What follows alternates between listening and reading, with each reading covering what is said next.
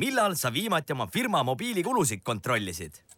jaa, aeg lendab ja sinu vana lahendus ei muutu mitte paremaks. tõsta oma äri uuele tasemele Tele2 piiramatu ärimootoriga. sellega saab piiramatu kõned, tõeliselt piiramatu andmeside ja internetikiiruse ning lisaks soodustuse seadmele. mine tele2.ee ja ühe klikiga saad parema lahenduse. nii käivad asjad tänapäeval. Tele2, teeme koos äri on inimesi, kes kõik tehnoloogiauuendused kohe heaks kiidavad, neid entusiastlikult kasutama hakkavad ja kiiresti omaks võtavad. samas leidub ridamisi ka inimesi, kes on uuenduste suhtes tõrksamad või skeptilised. tuhande üheksasaja kaheksakümne neljandal aastal tutvustas insener David Humble Los Angeleses peetud erialakonverentsil uut leiutist, elektroonilist kassat, mis ei vajanud kliendi kõrvale teenindajat demonstreerimaks, et uus süsteem on tõesti lihtne, kaasati testostu üheteistaastane noormees. paljud olid imestunud, kirjutas Los Angeles Times toona. uue tehnoloogia reaalseks kasutuselevõtuks läks siiski veidi aega, ent üheksakümnendatest alates on iseteeninduskassad leidnud üha suurema koha USA suurtes kaubanduskeskustes. ajapikku levis tehnoloogia üle kogu maailma BBC hinnangul on aastaks kaks tuhat kakskümmend üks maailmas üle neljasaja kuuekümne kaheksa tuhande iseteeninduskassa. tänases saates küsimegi, kas inimene usaldab masinat? sellest räägivad meile Rimi avalike suhete juht Katrin Pats ja Maxima tegevjuht Marko Põder. mina olen Barbara Brigitta Oja ja te kuulate Postimehe saadet Raha hääl. minu nimi on Katrin Pats ja ma olen Rimi pressiesindaja ma alustaksin siis sellise küsimusega, et kas inimesed usaldavad masinat? noh, ma arvan, et võib-olla kui ma vaatan nagu jaekaupmehe seisukohalt, siis üha enam kasvab see seltskond, kes usaldab masinat. et, et kui me varem rääkisime kogu aeg sellisest noorema põlvkonna esindajast, kes kasutab võib-olla nutitelefone ja, ja võiks olla potentsiaalne digilahenduste kasutaja, siis täna on ikkagi juba äh, ka vanema põlvkonna esindajad, kes kasutavad neid samu nutitelefone ja tunnevad ennast üha paremini selles, nii et ma arvan, et see seltskond üha kasvab, kes usaldab masinat. mis on äh, kaubanduses peamised digitaalsed väljakutsed? no võib-olla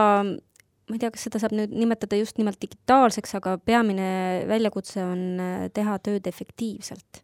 et teatavasti kui me võrdleme näiteks ennast Põhjamaadega, siis me oleme pidevalt äh, kui me näiteks võrdleme oma emafirma IKA-ga, siis äh, me, me ju loomulikult anname seal ka äh, aru, kuidas me toimetame, mis on üks või teine meie äh,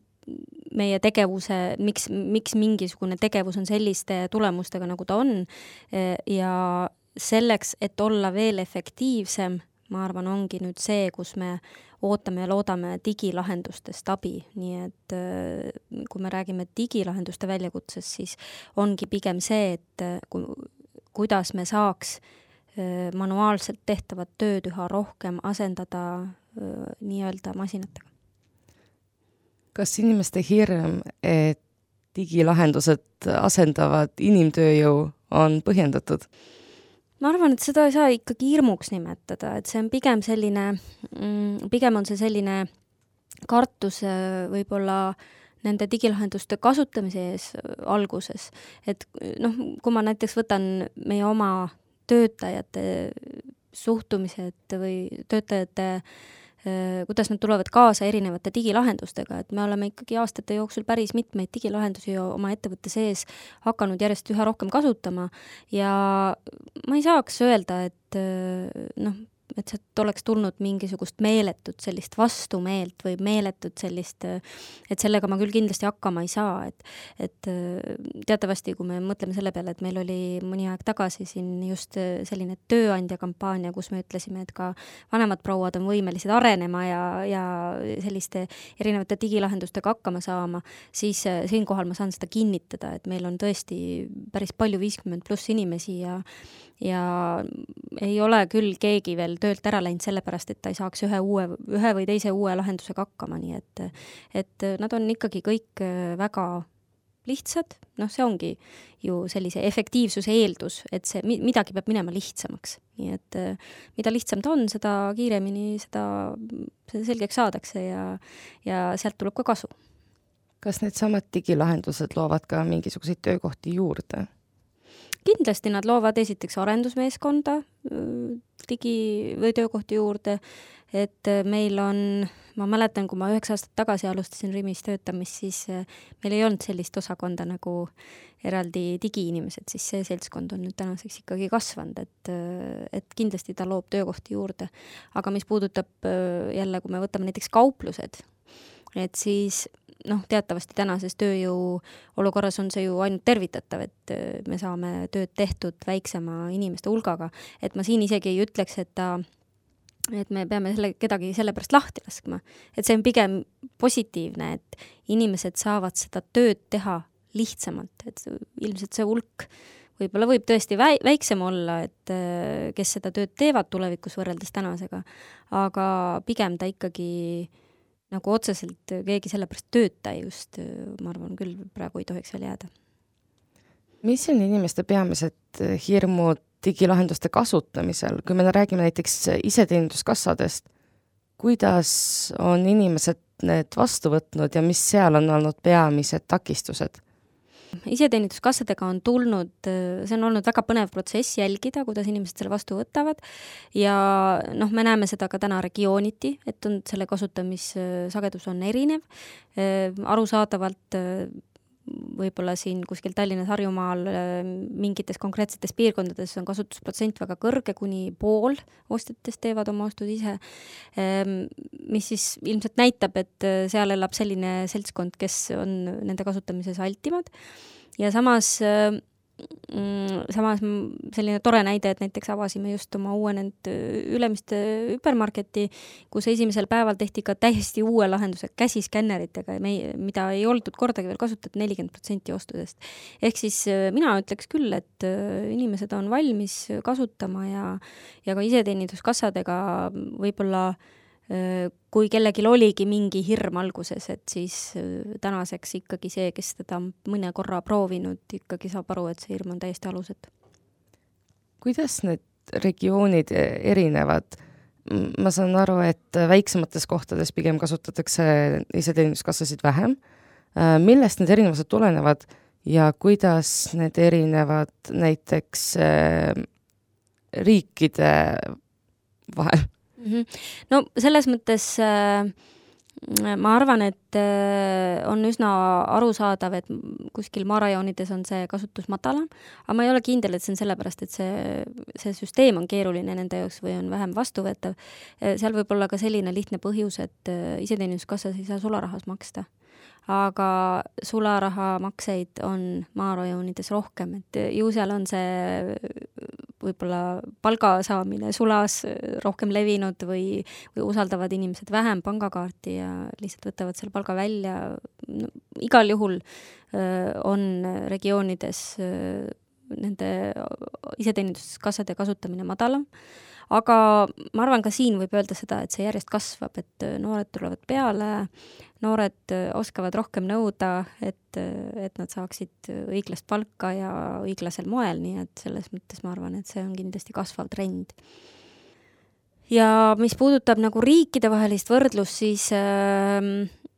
no ma saan jälle tuua emafirma poolt näite, et äh, kui me siin räägime näiteks e-kaubandusest, mis täna on ikkagi Eestis äh, terves Baltikumis väga nišš, et äh, meil täna e-poodi veel ei ole, et ma ei oska otseselt tuua siit Eestist näiteid, ainult seda, mida ma olen kuulnud konkurentide hulgast et ta on kasvav ja selles ei ole kahtlustki, et ta kasvab, et näiteks emafirma näitel Rootsis kasvas ta koguni viiskümmend protsenti eelmine aasta, et see on väga suur protsent. aga noh, selge on ka see, et et ka Eestis räägitakse suurtest numbritest, aga kui võrdlusbaas on madal, siis sealt on üsna lihtne kiirelt kasvada. et, et ta täna ikkagi on veel nišš, et aga, aga keegi ei kahtle, et ta kasvab. ja kui me räägime Lätist, Leedust, siis mm, näiteks iseteeninduskassade näitel, siis ka seal on kasutust leidnud, aga protsendid või kasutusprotsendid on mõnevõrra madalamad kui Eestis. Noh, ma ei teagi, kas me saame siin oma sellisele digiusku eestlasest rääkida rohkem või sellisest harjumuspärasest e-lahenduste kasutamise sellisest omadusest, aga aga ma arvan, ka see seltskond seal kõvasti kasvab, et, et võib-olla siin ka jälle taaskord võin tuua sellise näite, et et näiteks Leedus ühel hiljutisel koosolekul minu kolleegid Leedu Rimist rääkisid sellest, et et seal on mingi ühendus, mis ühendab enda alla ettevõtteid, kes lubavad, et maksavad õiglaselt makse, et miski, mida Eestis noh, me ei, ei suutnud mõista, et milleks sellist asja vaja on, et et aga seal ollakse veel sealmaal, et seal on seda justkui vaja. ehk siis see tähendab ka seda, et palk tuleb ka ilmselt ümbrikus rohkem ja taaskord jõuame sinna, et iseteeninduskassas saab maksta ainult pangakaardiga Rimi tõi siin hiljuti välja ka puldiga iseteeninduskassa süsteemi. Äh, mis selle taga on mm? -hmm. mis vahe on siis äh, nendel puldiklientidel mm -hmm. ja siis ise skännivatel? ja no võib-olla ma siinkohal äh, valgustan natuke üldse, et puldikassade sellist kasutus äh, otstarvet, et ähm, kõigepealt selline iseteeninduskassa, mida siis kõik Rimi kliendid, kes äh, seda varem on kasutanud, teavad, äh, on mõeldud eelkõige äh, väiksema ja keskmise ostukorviga kliendile et tegelikult äh, suure ostukorviga kliendile ta tegelikult otseselt mõeldud ei olegi. noh, loomulikult me ei lähe seda kellelegi välja ütlema, et ära sa suure ostukorviga siia tule, aga tegelikult ei ole ta mõeldud suure ostukorviga kliendile. et ta on ka ilmselt ebamugav suure, ebamugavam suurema ostukorviga kliendile. aga nüüd vastupidi, see puldikassa, mida siis kõik ilmselt äh, Selveri kliendi, kliendid tänaseks väga hästi tunnevad, siis see ongi mõeldud nüüd suurema ostukorviga kliendile. ja no selge on see, et kuna me näeme, et see seltskond on järjest kasvav, kes on selliste lahenduste kasutamiseks äh, altid, siis on üsna loogiline, et me ühel hetkel otsustasime, et äh, me tahaksime siis äh, ka seda pakkuda oma kliendile, et et nii ta, nii, nii see otsus tuli, et täna me teda Eestis testime ja te-, testitakse ka Lätis ja Leedus ja eks siis sügisel võtame vastu otsused, et kuidas me sellega edasi läheme, et kui see on populaarne ja täna ta olulist allajäämist varsti enam sellele iseteeninduskassale enam ei näita, vähemalt Eestis siin, et ma väga loodan, et see tähendab seda, et siis ühel hetkel saab teha selle valiku poes, et kuidas sa soovid oma oste, ostude eest maksta, et kas sa teed seda iseteeninduskassas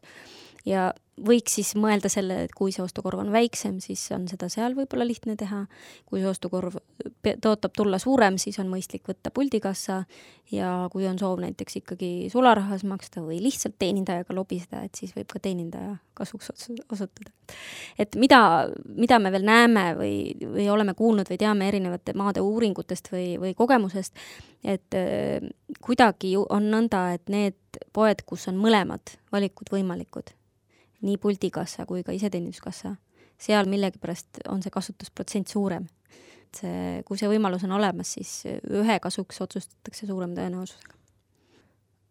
mõned ketid pakuvad ka iseteeninduskassas sularahamakse võimalust ähm,. Rimi küll seda ei tee, aga mis võib olla see põhjus, miks ikkagi inimesed sellest hoolimata võivad otsustada tavakassa kasuks? Noh, ma arvan, et ongi väga palju konservatiivseid inimesi, kes, kelle jaoks see suhtlus teenindajaga on oluline. Ähm, puht isiklikust kogemusest, kui ma ise ise oste teen, siis kui mul on väga palju ostukorvis puu- ja köögivilju, mida peab kaaluma, et see on üks võib-olla selline hästi eluline, lihtne põhjus, et äh, nende otsimine seal selles äh, iseteeninduskassas äh, võtab lihtsalt natuke rohkem aega, et et kui see pikk, järjekord pikk ei ole, siis ma sellisel juhul eelistan teenindajat ja ja mul oma kodupoes on ka oma sellised ihuteenindajad välja kujunenud, kelle juurde ma hea meelega lähen ja lobisen ka paar sõna juttu, nii et et ma arvan, et see, siin ei ole mingisugust suurt äh, suurt muud loogikat taga, et osad esiteks lihtsalt tahavad teenindust nii et võib-olla ma siinkohal toon ühe sellise näite ka, et, et millegipärast inimesed arvavad, et nad suudavad ennast iseteeninduskassas ise kiiremini teenindada, et tegelikkuses on tegelikult äh, välja arvutatud, et äh, nii see ikkagi ei ole, et tegelikult ikkagi teenindaja teeb seda kiiremini, et aga noh, siin jälle sõltub, eks ole, sellest, et millise ostukorviga sa sinna lähed ja mis sul seal ostukorvis on. Mis on sellised teised äh, digitaalsed arengud kaubanduses, mis jäävad tavakliendi silme eest varju? noh, võib-olla ma alustaks nendest, mis väga varju ei tohiks jääda, millele võiks rohkem tähelepanu pöörata, et näiteks meil on ka Rimi äpp, millega äh, saab äh, näiteks kliendikaarti ei pea enam kaasas kandma, ma ise seda väga hea meelega kasutan. poes saan skänneerida kassas oma telefoniga, ei pea enam seda plastikkaarti välja võtma puldikassas seda veel kasutada ei saa ja, ja üsna, üsna kohe peaks jõudma ka see arendus, et saavad ka iPhone'ide omanikud ja, ja ka puldikassas saab seda QR koodiga kasutada, et need on, need lahendused on tulemas. siis mida me veel katsetame,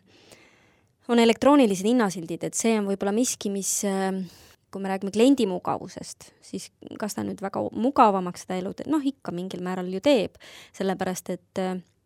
see võimaldab meil väga kiirelt in-, hindu vahetada, me katsetame seda täna äh, ühes kaupluses äh, äh, Eestis ja ainult kahes osakonnas praegu, need on siis kosmeetika ja puu- ja köögivili ja seda just sel põhjusel, et seal on hästi palju väikseid tooteid ja need hinnad on hästi muutuvad ajas, et äh, muutuvad kiiremini kui teistes äh, valdkondades või teistes äh, toidukategooriates näiteks. et selleks, et see hind niipea, kui ta muutub, oleks seal siis õige, ehk siis tarbija, me ei eksita tarbijat, siis selleks on see elektrooniline hinnasilt erakordselt mugav. no rääkimata sellest, et ta hoiab palju aega kokku meie teenindajatel, kes muidu peaksid neid hinnasilte käsitsi vahetama. et kui võib-olla siin tekib küsimus, et miks siis ainult nendes kahes kategoorias, et miks mitte üle poe, siis äh, ma siinkohal rõhutan, et, äh, et see on väga suur investeering. See ei ole miski, mida kõik poed saaks endale lubada niimoodi sõrmenipsust, et teatavasti on äh, kasumimarginaalid üsna väiksed jaekaubanduses. Ja, ja see on suur investeering ja see tähendab seda, et, et kui me paneks ta kõikidesse poodidesse, meil on üle kaheksakümne kaupluse ja üle poe, siis äh, noh, võtab päris palju aega, et see ennast ära tasuks, et äh, aga muidugi, ega kunagi ei tea, et kas see aeg võiks kunagi tulla. ja aga, aga selge on see, et ta hoiab väga palju aega kokku ja, ja see on, see on meie teenindajate seisukohast hästi-hästi oluline, et seda me kindlasti äh, selles mõttes on meil hea meel, et on lõpuks jõudnud siia see, ka see test, et vaatame siis sellest edasi, et et kas me saame teistesse poodidesse ka. ja siis noh, muidugi, mis meil on praegu veel e-lahendustest, ongi ka e-pood, mida me kindlasti praegu arendame Baltikumi tasemel. ikka selleks jälle teeme Baltikumi tasemel, et oleks efektiivne, et oleks parim lahendus kõikidele turgudele, et, et ei oleks ainult äh, selline üks järjekordne e-pood ja siis on veel tegelikult lisaks ka selline töötajate, see tõesti kliendile jääb varju, et kui täna on siiamaani suurtes kauplustes juhatajal väga suur koormus töögraafikute kokkupanemisel, et siis ka selleks oleme me nüüd asumas äh, uut lahendust rakendamas mille, mis aitab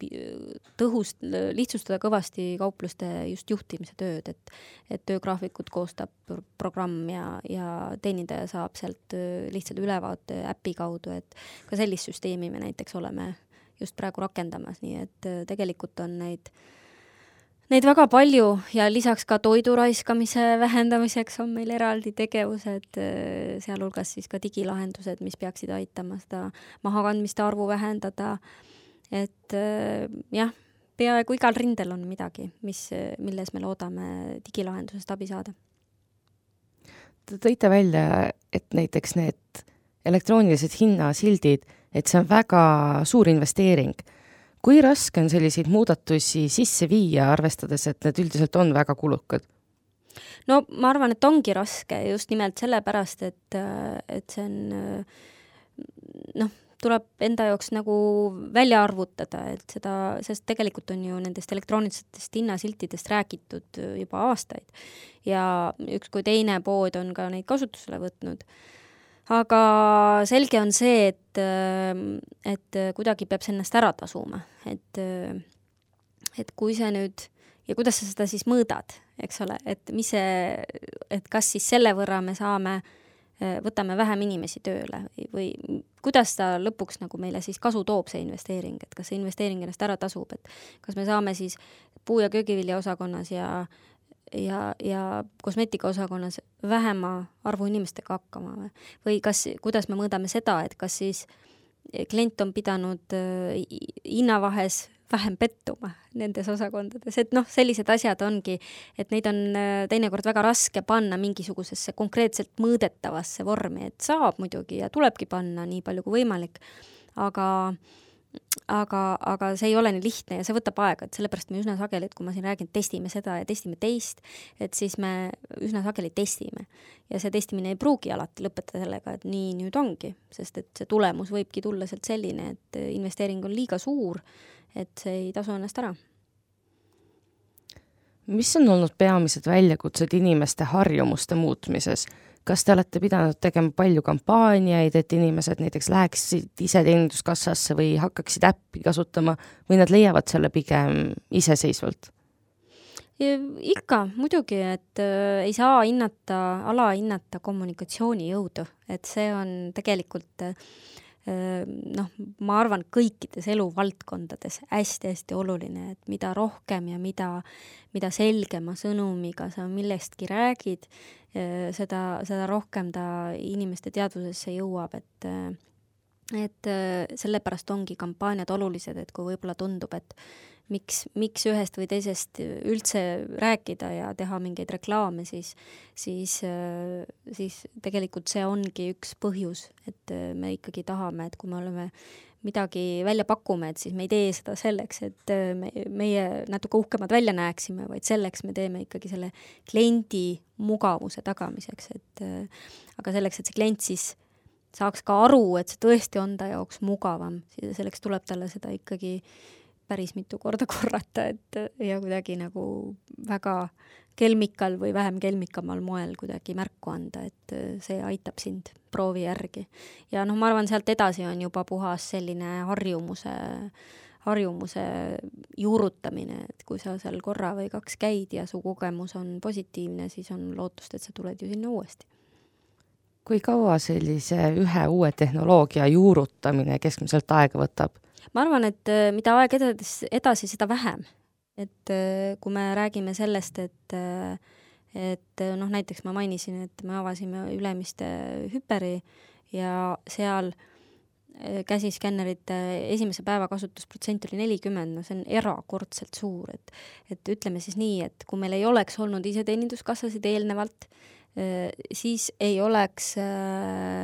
siis ei oleks see protsent ilmselt nii kõrge olnud. Et, et mida aeg edasi, seda kiiremini inimesed need lahendused omaks võtavad, et selles mõttes on muidugi jälle meie elu lihtsam. mis on mingisugused tulevased väljakutsed, mida võib oodata, et te siin nimetasite näiteks äh, e-poe võimalust, aga kas on äh, veel mingisuguseid äh, uuemaid tehnoloogiaid, mida on näha, et kuskil välismaal hakatakse testi, testima, aga mis meie jaoks on veel nii umbes viie aasta kaugusel?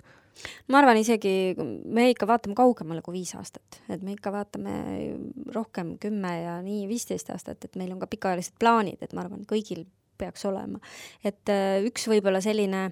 noh, ma arvan, ei ole täna inimest, kes ei ole näinud seda Amazoni poodi videot sellest, kuidas ta, inimene ise läheb poodi, võtab ära ja läheb väravatest läbi ja juba tal on raha läinud, et et noh, see võib olla üks selline tuleviku teema, aga võib-olla üks selline natukene reaalsem võiks siin lähi meie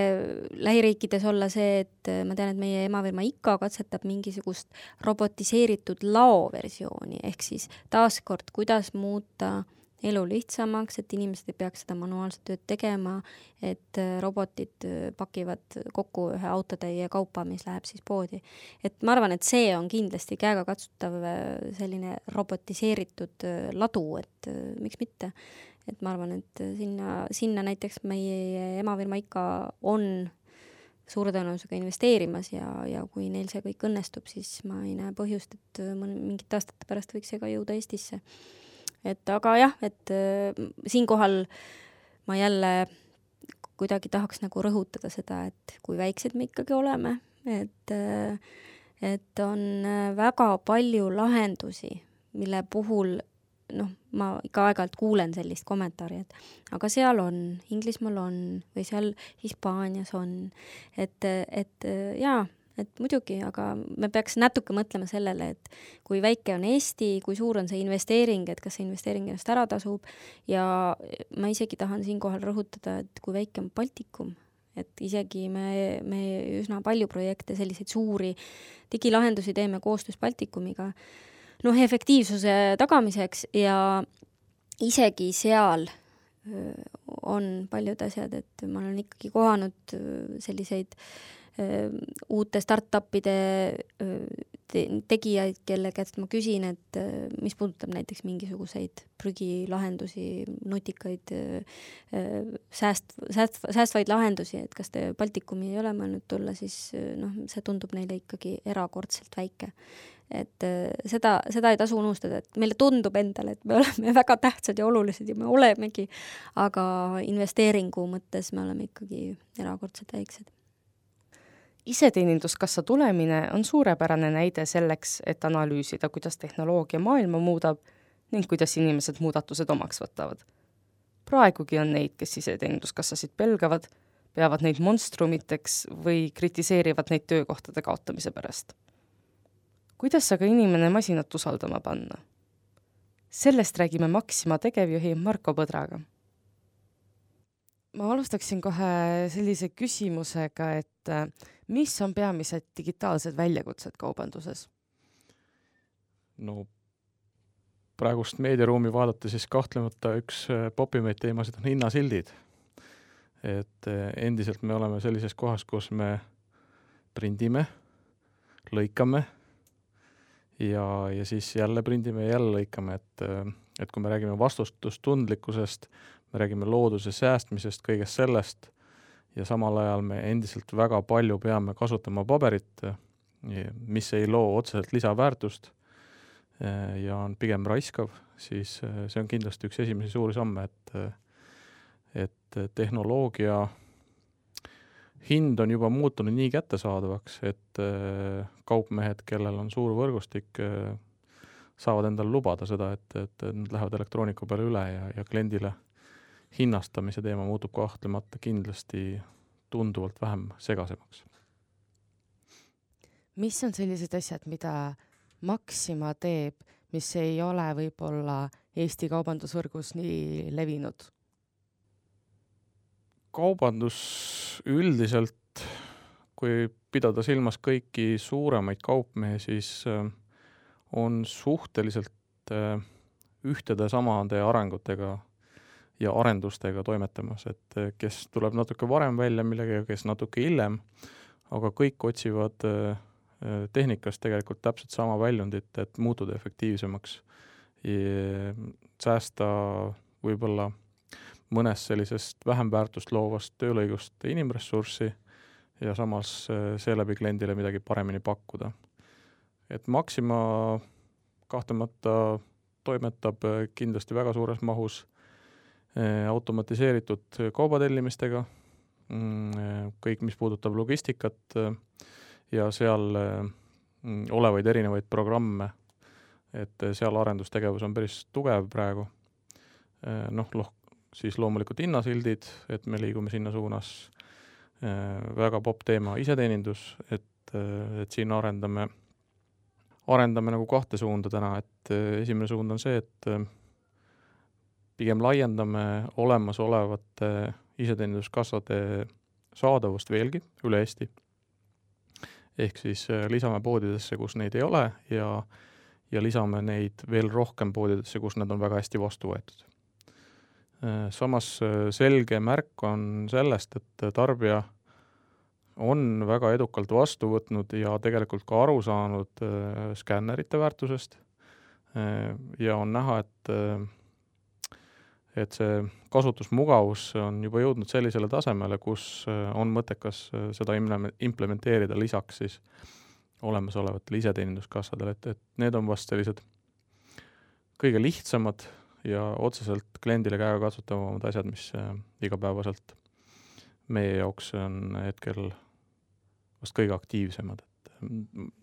võib-olla, võib-olla kliendi jaoks niivõrd oluliselt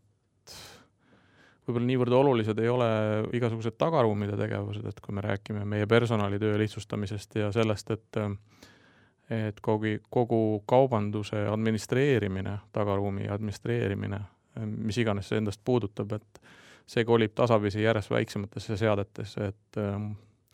on puhtalt aja küsimus, millal vähemalt mobiiltelefoni suurune seade on igal teenindajal ja mis iganes ta siis vajab selleks mis iganes tööd ta siis sellega siis soovib teha, kas eh, tellida endale hinnasilte kuskile printerisse või, eh, või veenduda, et mingisugused kaubapaigutused on, on vastavalt mingisugusele programmile ja, ja üks pilt ütleb talle kohe, kas midagi on õieti või valesti, et, et, et see on see suund, mida klient otseselt ei näe, aga mis kindlasti lihtsustab tagaruumide tööd ja samas, mis seal salata, et töötajale esitab suuremaid nõudeid tehnikaga ümberkäimisel tegelikult ettevõte peab ju tegema väga suuri investeeringuid selleks, et mm, selliseid väikseid asju muuta äh,, äh, uusi tehnoloogiaid vastu võtta, ka näiteks just sellistel äh, tagaruumi nii-öelda programmides või et siis töötajate töö lihtsustamiseks kui kiiresti need investeeringud ennast ära tasuvad ja millest see üldiselt äh, väljendub, mille põhjal te otsustate, kas äh, nüüd äh, minna ühele konkreetsele tehnoloogiale üle või siis, et see ei tasu ennast ära? kahtlemata on, kui me räägime tehnoloogiast just kliendi vaatenurgast, et noh, mis, kui rääkida iseteeninduskassadest näiteks, võtame iseteeninduskassad, et et on olnud ka erinevaid arvamusi, et, et miks, miks kaupmehed ei tee seda, et kõik on ju nii lihtne. Äh, aga reaalsus on see, et, et kaupmees äh, ei saa teha seda ühes poes, vaid pigem peab kalkuleerima oma ärimahtu kõik, kogu oma poeketis ja, ja, ja seal taga peab olema kindlasti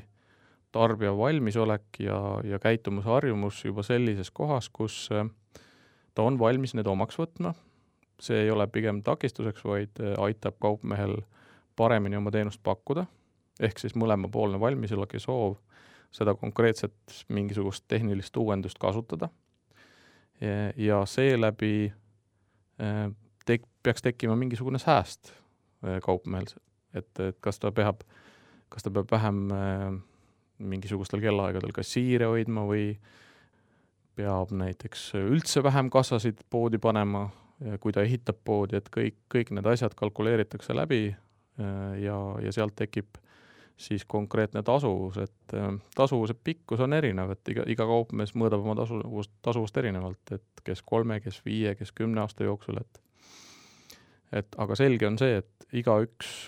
iga kaupmees äh, siiski iga tehnilise lahenduse puhul kalkuleerib tasuvuse ja kui ta seda ei näe, siis ta pigem ei tee seda sest et äh, iga selline suurem investeering kahtlemata survestab äh, kaupmehe kõik, kõiki nii-öelda teisi kuluallikaid. ja, ja kui, kui tarbija ei ole valmis kõrgemat hinda maksma, mis on ju igati loomulik näiteks toidukaubanduses, et keegi ei taha, et piim ainult kallineb või leib muutub kallimaks, et siis toidukaupmehel on siin väga sellised jäik, jäigad piirid ees et kui suuri investeeringuid ja, ja mis mahus ta teha saab. et noh, kui vaadata Eesti kaubandusajalugu tervikuna, siis, siis tegelikult ongi näha, et on väga väikestest sammudest tasapisi väga ettevaatlikult mindud järjest suurema mahu peale ja, ja ja kui tarbija on järgi tulnud, on näha, et ta on harjunud, ta on vastuvõtlik, ta ei ole enam pessimistlik, ta julgeb kasutada, et siis kaupmees on valmis tegema järgmist sammu, et, et see on selline kahepoolne koostöö kui kaua ühe sellise harjumuse kujundamine aega võtab? no lihtne vastus oleks, et väga kaua. et, et inimene on harjumuse ohver ja ta ei ole valmis uusi lahendusi väga lihtsalt vastu võtma. kohati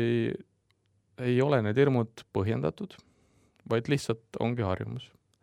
et kui isegi täna vaadata, võib-olla mitte ainult kauba, mitte ainult Maximas, vaid kõikides kauplustes ringi, et on väga palju inimesi, kes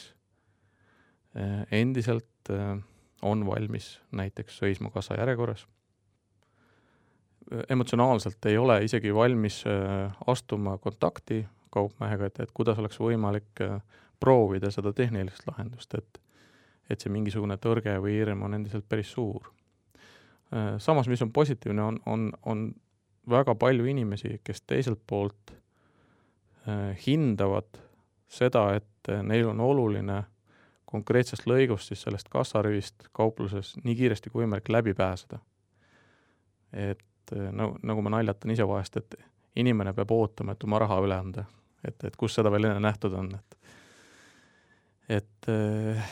et kes ühe korra on ära proovinud, on aru saanud selle plussidest, see üldjuhul jääb kasutama, kui tehnika kuskil alt ei vea mingi, mingi, mingitel kordadel, et et siin noh, lo-, loomulikult kaupmehel on päris suur vastutus, et, et kui ta selle tehnika on kliendile välja pakkunud, siis, siis see peab ka töötama normaalselt, et oleks ikkagi mugavam kui, kui see, et eh, kassiir peaks seal piiksutama. kui palju te olete ise pidanud vaeva nägema selleks, et saada inimesi seda uut tehnoloogiat kasutama? Eh, osades piirkondades suhteliselt vähe, aga meil on ka olnud päris teravaid. Noh, ma ei tea, kas konflikte või selliseid vastakaid arvamusi klientidega, seda eelkõige väljaspool Tallinnat, et et sellest me oleme õppinud kahtlemata ja ja edaspidi proovime neid muudatusi teha tunduvalt leebemalt ja, ja, ja võib-olla väiksemate sammudega, et et päevapealt inimene ei ole valmis eh, tehniliste lahendustega eh, ostlema, võib-olla väikelinnas, kus ükski teine kaupmees ei paku seda lahendust, et see, see ei, ei pruugi alati just hästi lõppeda. kui me mõtleme selle peale, et kes kasutab iseteeninduskassat, siis ütleme, et esimene mõte on, et noor linnainimene ja siis pigem selline vanem maainimene on konservatiivsem ja et tema sinna iseteeninduskassasse ei lähe ja tahab ikkagi sularahas maksta öö, otse teenindajale kas see vastab tõele? võib-olla mingil määral vastab tõele, aga päris nii öelda ei saa, et on väga palju eh, vanema põlvkonna inimesi, kes eh, on sellega ära harjunud ja leidnud selle väärtuse. Kui nüüd tuua välja, et kes mis lahenduse valib, siis on oluline mõista seda, et mingitel puhkudel on täna veel kasulikum valida nii-öelda tavakassa mida ma teen ka ise näiteks, et, ähm, et kui on ikkagi väga suure ostukorviga tegemist, siis, ähm, siis see iseteenindus mm, kassa tegelikult ei ole võimeline äh, väga suurt hulka kaupa korraga vastu võtma, noh, lihtsalt puhtfüüsiliselt sinna kaalu peale ei mahu kõik ära. Äh, ja lõpuks see ajakulu on suurem kui, kui tavakassas, et äh, et sellistel puhkudel ma näen, et ka tegelikult paljud kliendid on, on, on seda meelt, et, et kes ikkagi suure ostukorvi teeb, see läheb tavakassasse, et aga kui sul on väiksem ostukorv, seal viis kuni kümme toodet, siis äh, kasutavad igasuguses vanusegrupis inimesed, mehed, naised äh,, ei, ei saa öelda, et keegi rohkem, keegi vähem, et äh, et ka kui, kui eraldada sularaha versus kaardimakse, siis, siis tegelikult samamoodi, et on, on väga palju noori, kes näiteks saavad taskuraha ja, ja neil on väga mugav kasutada seda eh, sularahamasinat, samas on, on pensionäre, kes eh, noh, ka veel endiselt võib-olla eelistavad pigem sularaha endaga ka kaasas kanda. Aga samas on ka täiesti teistpidi, et, et siin ei saa öelda, et ük, ühte või teistpidi, et ainult. kui palju hoolitakse sellest inimsuhtluse faktorist ja et tuuakse seda ettekäändena, et minna tavakassasse? eks osaliselt veel on see noh, ma ei tea, kas see on legend või lugu, endiselt on veel, veel elus. et äh, kassa on see koht, kus toimub inimsuhtlus. Äh, osaliselt ma olen sellega nõus, sest seal öeldakse ju tere ja nägemist, mis on ka osa inimsuhtlusest, väga mõistlik. aga mina pikaaegse kaubandustöötajana ütlen, et äh, et kõige olulisem koht, kus peaks toimuma see nii-öelda tegelik inimsuhtlus, et äh, peaks toimuma äh, noh, eriti suuremates poodides, seal, kus müü, toimub müük leti tagant. Või kui kliendil on mingit abi müügisaalis vaja. et äh, kassas äh, muutub äh, töötaja roll lähitulevikus ma ütleks, et märkimisväärselt. et kui niimoodi lihtsas keeles öelda, siis piiksutajast saab konsultant. inimese väärtus tõuseb ja ta tegelikult saab olla reaalselt abiks klientidele ja nendega reaalselt ka suhelda. et tänane see nii-öelda vana hea kassa, kus siis kassiir peab istuma päev otsa ja piiksutama no mis seal, mis seal salata, ei ole kõige inimsõbralikum töö, ei ole kõige lihtsam töö ja, ja kui kõik kliendid, kes selle ühe inimese juurest läbi käivad, ootavad temalt päev läbi naeratust, positiivsust ja, ja vastutulelikkust, siis ähm, noh, mina ei suudaks seda tööd teha iga päev, kui päris aus olla. et äh, et tunnen, et mul osaliselt on selline kerge missioonitunne, et, et ma toetan ja soodustan seda, et et meie tehniline areng ja, ja nende implementeerimine just selles konkreetses lõigus kaupluses jõuaks sinnamaani, et äh, ei klient ega, ega kassiir ei peaks tegema mingisuguseid äh, ma ütleks, et tühja väärtusega piiksutamistegevusi väga palju ja, ja samas nad saaks omavahel suhelda. et kui on mingid küsimused või mingid asjad, mis vajavad, vajavad lahendamist, et, et see reaalne füüsiline, mehaaniline töö vahelt tuleks, et see kaupmehe kohustus see kuidagi tasapisi sammhaaval ära võtta, et isegi täna see iseteenindus selles vormis, mis ta on, et ta endiselt veel nõuab, et ta on küll kliendil eh, lihtsustanud, et ta pääseb eh, kassale kiiremini ligi, aga seda piiksutamist endiselt tuleb teha, et et noh, see on, ma arvan, et kuskil kolme kuni viie aasta küsimus, millal, millal selle konkreetse lõigu saab ka juba ära lõigata kogu kaupluse külastamise protsessist. Kas on ka mingisuguseid tehnoloogilisi lahendusi sellel inimesel, kes seal leti taga erinevaid kaupu pakub, äh, tema tööd lihtsustamiseks? no kahtlemata üks selliseid igaseba, igapäevasemaid töövahendeid on, on igasugused erineva stiiliga kaalud, mis, mis siis tegelikult äh, juba noh, tasapisi äh, soodustavad seda, et äh, leti taga olev töötaja äh, saab koos tehnika abiga juba kliendile pakkuda mingisugust lisamüüki, mingeid lisatooteid, midagi soovitada, nõustada teda, et tehnika tuleb nagu teenindajale appi, et, et, et see on tasapisi hakkab tulema, et ta ei ole veel noh, väga laialdaselt ei ole veel levinud Eestis, et endiselt on on see vahend, mis seal on, on, on rohkem nagu selline puht füüsiline kauba kaalumine, aga aga tasapisi selline lisamüük ja suhtlemine, et see hakkab sinna juurde kasvama. Te tegutsete kogu Baltikumis, kuidas need turud erinevad äh, ka just tehnoloogilisest küljest? no lihtne viimane näide on see, et äh, meie trambime kahe jalaga ja nõuame neid skännereid sest et äh, selge on see, et klient on valmis. Äh, äh, kui vaadata Läti ja Leedi, Leedu kolleege, siis kuna Leedus on, on juba nii-öelda see käivitatud, siis klient on alles õppimas seda kasutama. meie klient on juba valmis ja tegelikult aru saanud selle väärtusest.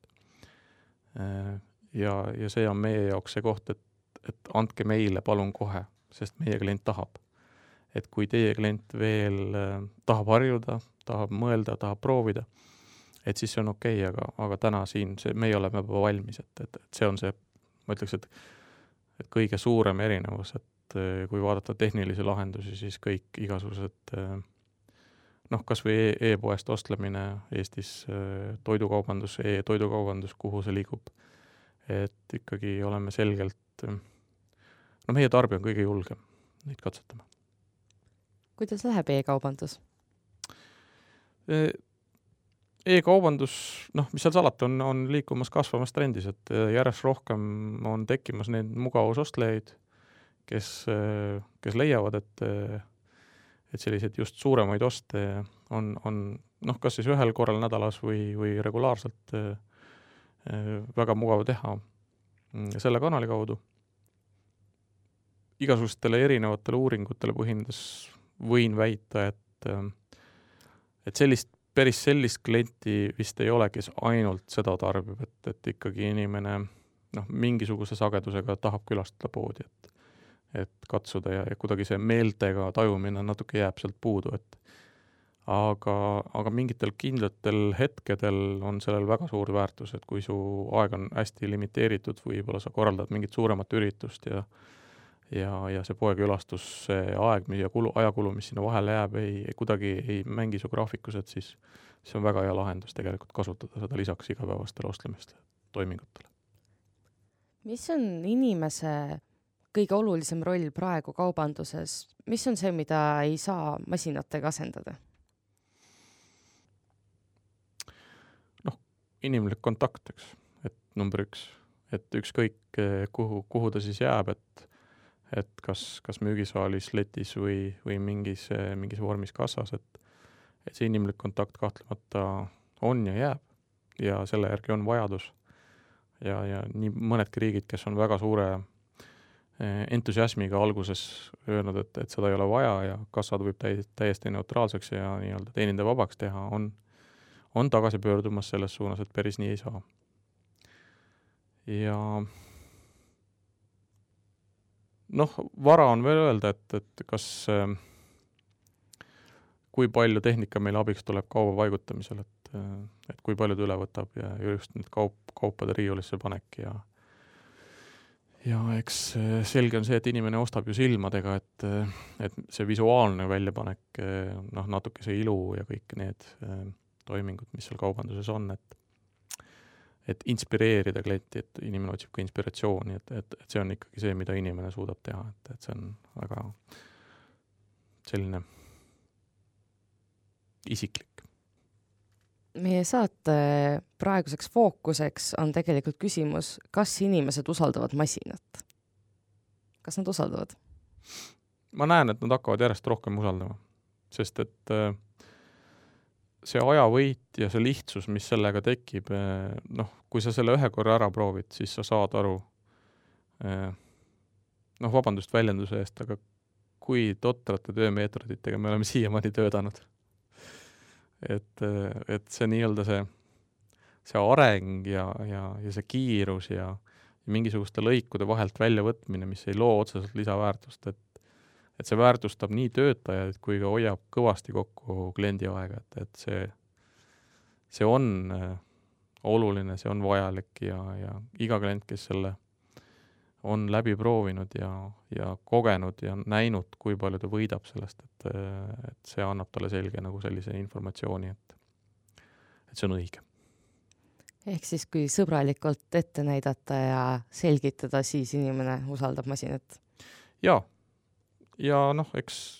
seal on loomulikult, et see masin peab ka iga päev töötama, et, et noh, kui ta ühe korra proovib, ta saab ilusti kätte ja järgmine kord see masin ei tööta, et siis noh, jällegi tekib see, et võib-olla on ikkagi parem minna tavakassasse, et et kaupmehel on kohustus kahtlemata, kui ta tuleb selle arenguga välja, et siis hoida see ka korras. niisiis, kas inimesed usaldavad masinat? nagu me oleme kuulnud, siis võivad inimesed esmakordselt masinaga kokku puutudes tõesti olla tõrksad ning omaks võtmine võib võtta aega. siis tundub, et aja möödudes usaldavad inimesed masinaid aga üha enam. tõsi, mitte lõpuni. masin ei suuda inimest kunagi lõplikult asendada, ka mitte kaubandussektoris. Aitäh, et kuulasite värsket Raha häält. uue saate võib juba kahe nädala pärast leida Postimehe veebis, Kuku podcasti keskkonnas, iTunesis ja Spotify's. Mina olen Barbara Brigitta Oja, saadet aitas koostada Märt Belkin